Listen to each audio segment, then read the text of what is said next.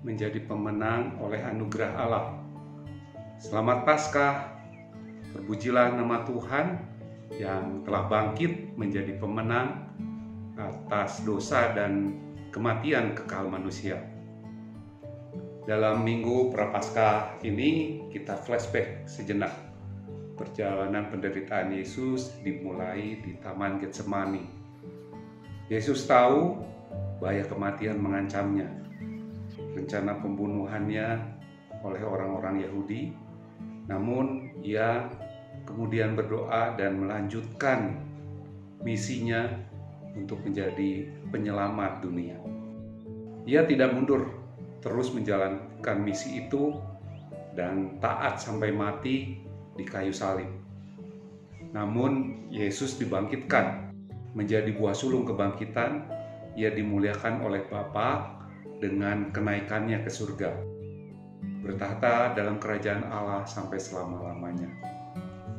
Berita anugerah Tuhan ini harus kita terus gaungkan, sebarkan, dan kita lakukan itu terus turun-temurun sampai Tuhan Yesus datang kembali kedua kalinya. Jika ada pertanyaan, akankah kekristenan merosot saat orang-orang Kristen dilarang untuk beribadah di gereja, baik dalam kondisi normal maupun karena kejadian pandemi ini? Seharusnya jawabannya tentu tidak karena orang Kristen tentunya memiliki Yesus penyelamat. Jangan sampai suatu kondisi dipakai oleh iblis untuk membuat kita menyerah karena tekanan yang dibuatnya.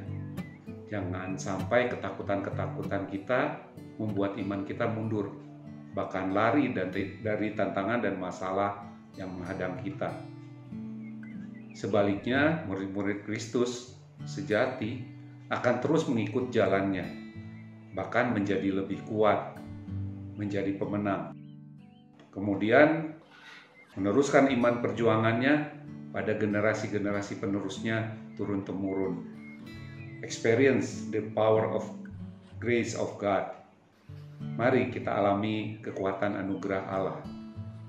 Rasul Paulus dalam penjara pun masih bisa menguatkan penerus imannya kepada Kristus itu dengan istilah dalam bahasa Inggris apostolic succession kepada Timotius dalam 2 Timotius 2 ayat 1 sampai 13. Bunyinya demikian.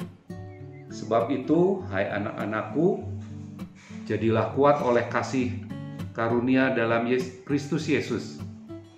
Apa yang telah engkau dengar daripadaku di depan banyak saksi, percayakanlah itu kepada orang-orang yang dapat dipercayai yang juga cakap mengajar orang lain.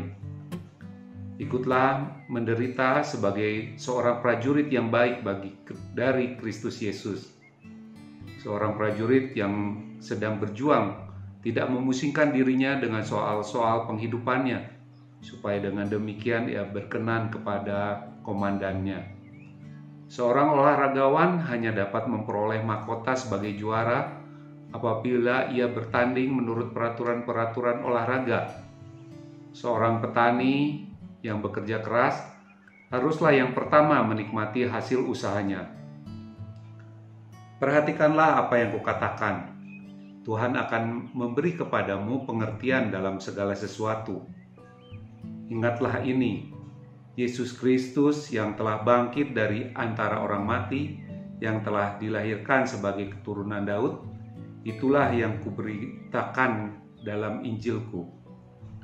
Karena pemberitaan Injil inilah aku menderita, malah dibelenggu seperti seorang penjahat, tetapi firman Allah tidak terbelenggu.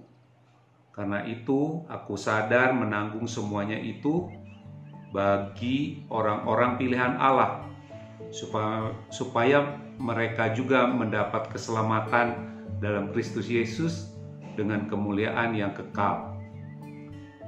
Benarlah perkataan ini, jika kita mati dengan Dia, kita pun akan hidup dengan Dia. Jika kita bertekun, kita pun akan ikut memerintah dengan Dia. Jika kita menyangkal Dia, Dia pun akan menyangkal kita. Jika kita tidak setia, dia tetap setia karena dia tidak dapat menyangkal dirinya. Dalam ayat 3 dan 4 dibaratkan iman kita sebagai seorang prajurit. Seorang prajurit bertekad untuk menang dalam pertempuran. Dalam ayat 5, seorang atlet olahraga harus berlomba dan harus mengikuti taat pada aturan-aturan dalam pertandingan untuk mendapatkan mahkota kemenangan. Dalam ayat 6, seorang petani harus bekerja keras untuk menikmati hasil usahanya. Ketiga, pekerjaan dalam analogi di atas membutuhkan kegigihan, ketaatan, dan kesetiaan. Seorang prajurit harus berlatih bertempur, bersusah payah supaya ia bisa menang dalam pertempuran mau menang atau mati. Seorang atlet berlatih sampai mungkin menyakiti dirinya untuk mencapai kemenangan dalam pertandingan. Ia juga harus mengikuti peraturan-peraturan dalam perlombaannya. Seorang petani harus mengikuti aturan alam. Ada waktunya untuk menyemai, ada waktu menabur, dan juga harus menuai pada pada masanya ia harus memberi pupuk, mengusir burung-burung pencuri buah, mencegah tanaman dari hama, mengairi, dan banyak lagi hal lainnya yang harus dilakukan. Kesemuanya itu membutuhkan komitmen untuk mencapai hasil akhir sebagai seorang pemenang. Seperti itulah iman yang harus kita perjuangkan. Namun bukan semata-mata karena diri kita semata yang kuat. Namun kepastian itu kita dapat menjadi pemenang dari perjuangan karena kita dilimpahi oleh anugerah dari Tuhan Yesus. Hanya oleh anugerah Allah, sola gracia. Saved by grace, diselamatkan oleh anugerah. Justified by grace, dibenarkan oleh anugerah sanctified by grace, dikuduskan oleh anugerah. Life by grace, hidup oleh anugerah, dan empowered by grace, dikuatkan oleh anugerah. Terpujilah Allah kita. Amin.